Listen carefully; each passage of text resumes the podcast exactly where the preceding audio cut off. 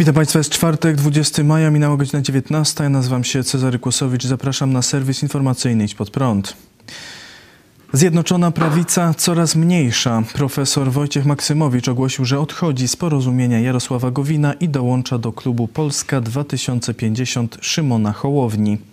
Poseł już wcześniej odszedł z klubu PiS po tym, jak Ministerstwo Zdrowia stwierdziło, że zespół profesora Maksymowicza mógł prowadzić nielegalne eksperymenty na płodach. Maksymowicz stanowczo zaprzeczył tym twierdzeniom i w proteście opuścił klub. Teraz opuścił także partię. O swojej decyzji mówił dziś na konferencji prasowej. Nie mogę zgodzić się na politykę prowadzącą do zapaści służby zdrowia. A taką właśnie zapowiada zurzędniczała PR-owska koncepcja Polskiego Ładu.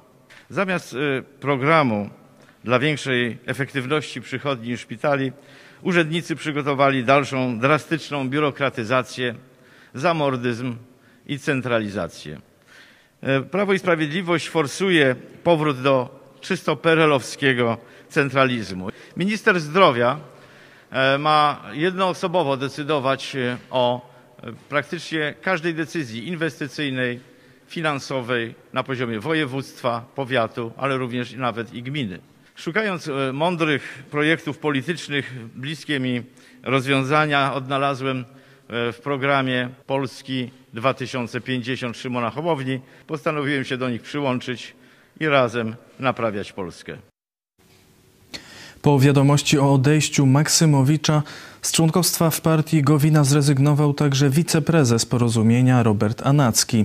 Anacki napisał na Twitterze Zatem i ja dołączam. Chciałem podziękować prezesowi Jarosławowi Gowinowi oraz wszystkim przyjaciołom za współpracę i życzyć powodzenia w walce o wolność w wymiarze osobistym i gospodarczym. Przede mną ogromne wyzwania w wymiarze osobistym, zdrowia, a także biznesowe. Skomentował też sytuację w koalicji rządzącej. Do końca tygodnia Zjednoczona Prawica może stracić większość parlamentarną. No cóż, zasłużenie. Pan prezes Kaczyński powinien podziękować gnojowemu polskiej polityki Adamowi B., o którym już niebawem Polska usłyszy wiele ciekawostek. Michał Wypij z porozumienia stwierdził, że odejście profesora Maksymowicza to efekt polityki haków, ataków lokalnych polityków PiS. To także posiew niezrealizowanych obietnic premiera Morawieckiego dotyczących 200 milionów dla regionu Warmii i Mazur. Rozmówca portalu Interia, anonimowy polityk Zjednoczonej Prawicy, mówi jasno: Przecież autorem donosu był Paweł Skrzydlewski z gabinetu politycznego Przemysława Czarnka. Chociaż zarzuty dotyczące eksperymentów na żywych płodach zostały dawno obalone, Skrzydlewski wciąż ma się dobrze. Czarnek musiał o wszystkim wiedzieć, a atak był celowy. Portal Interia donosi też, że w porozumieniu rośnie niezadowolenie, także po tym jak Adam Bielan ogłosił publicznie, że jego ugrupowanie dołączy do Zjednoczonej Prawicy. Źródło Interii w partii mówi, Porozumienie nie wiedziało o wielu rzeczach. Ludzie są wściekli, że Kaczyński chce dopuścić Bielana do koalicji. Podczas dyskusji liderów nie było o tym mowy. Nie było też mowy m.in. o braku zupełnej kompensacji składki zdrowotnej w ramach Polskiego Ładu. Wszystko negocjował Marcin Ociepa. Albo został wprowadzony w błąd, albo się na tym nie zna. Dlatego nie wiem, czy w ciągu dwóch miesięcy Zjednoczona Prawica będzie miała większość w Sejmie.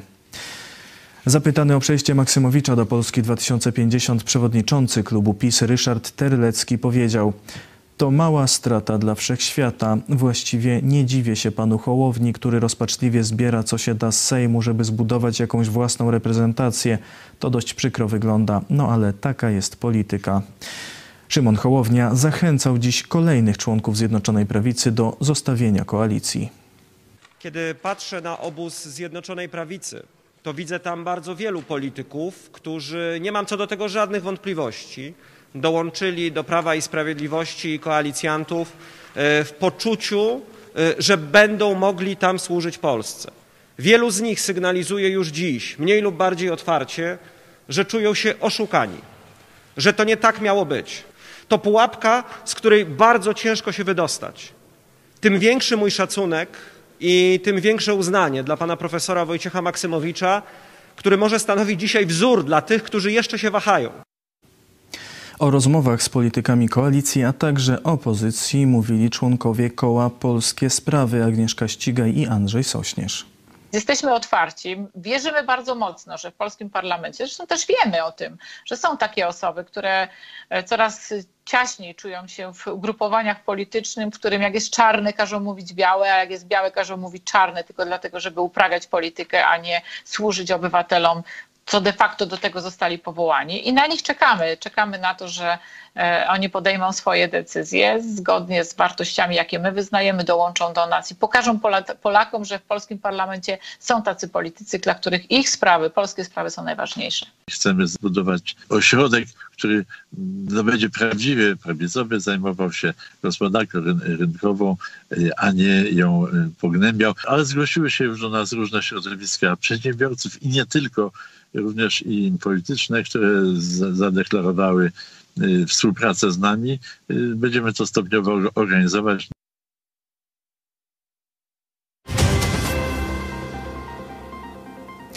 Marian Banaś, prezes Najwyższej Izby Kontroli, zapowiedział złożenie zawiadomień o możliwości popełnienia przestępstw przez przedstawicieli najwyższych urzędów państwowych. Chodzi o sprawę niedoszłych wyborów korespondencyjnych, na które wydano ponad 70 milionów złotych.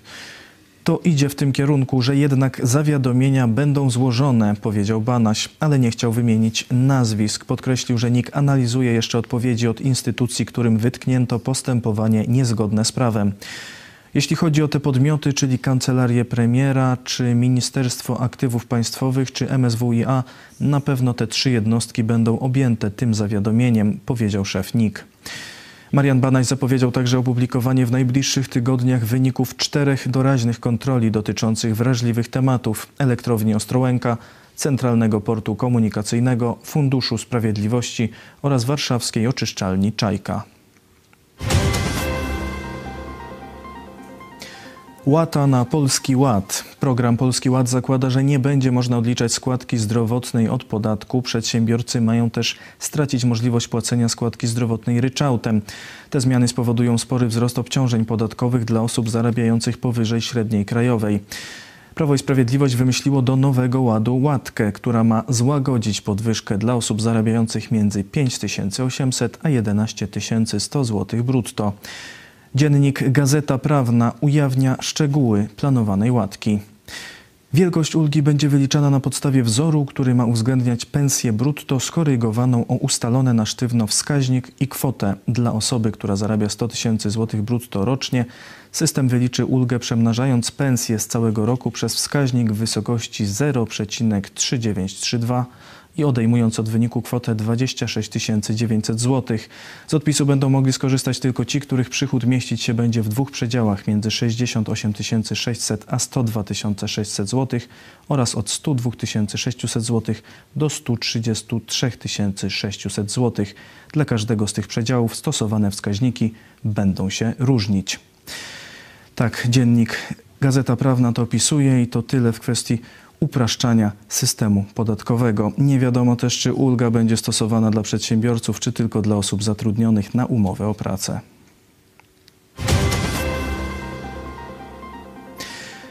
2000 zakażeń chińskim koronawirusem i 250 zgonów osób zakażonych to dane podane dziś przez Ministerstwo Zdrowia. Łącznie w Polsce z powodu wirusa zmarło już 72,5 tysiąca osób. Po raz pierwszy od października liczba hospitalizowanych osób zakażonych wynosi mniej niż 10 tysięcy. W użyciu jest 1300 respiratorów.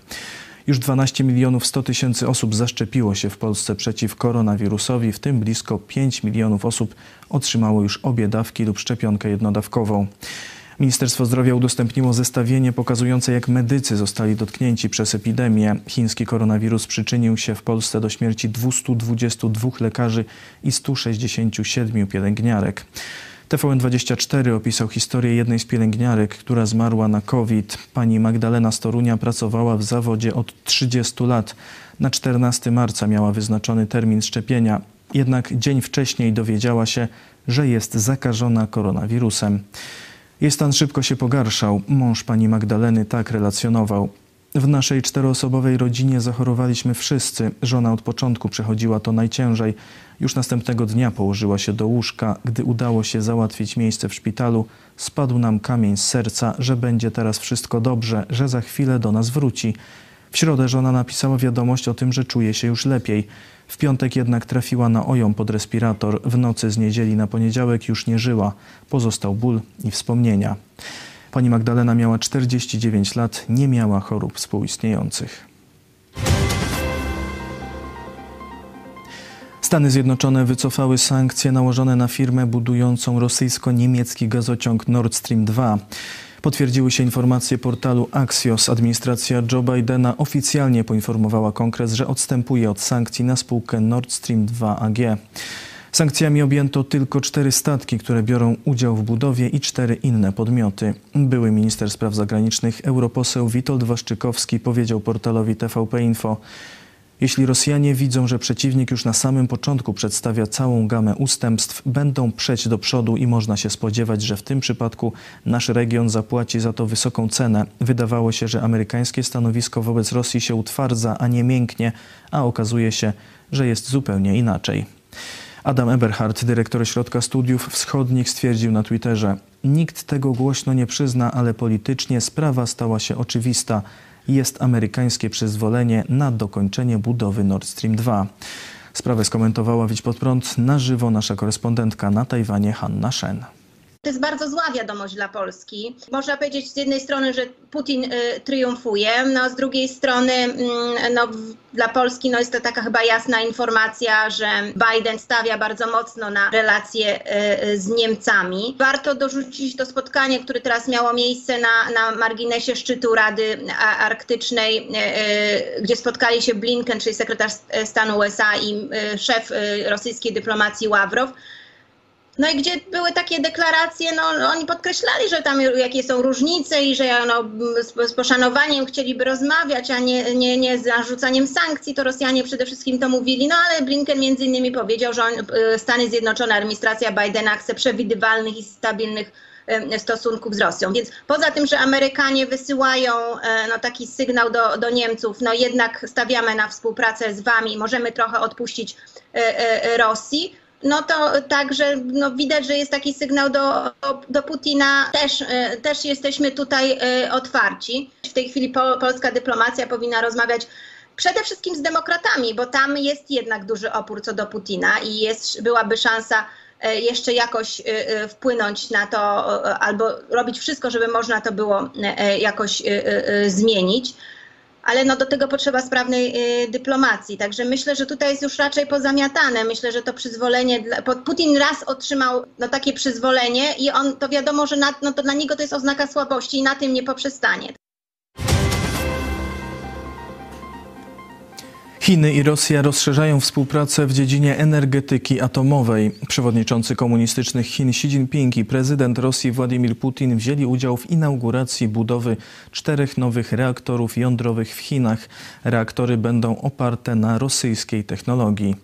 Xi Jinping powiedział podczas uroczystości: W obliczu epidemii i zmian, jakich nie było od stulecia, Chiny i Rosja mocno wspierają się nawzajem oraz ściśle i skutecznie współpracują.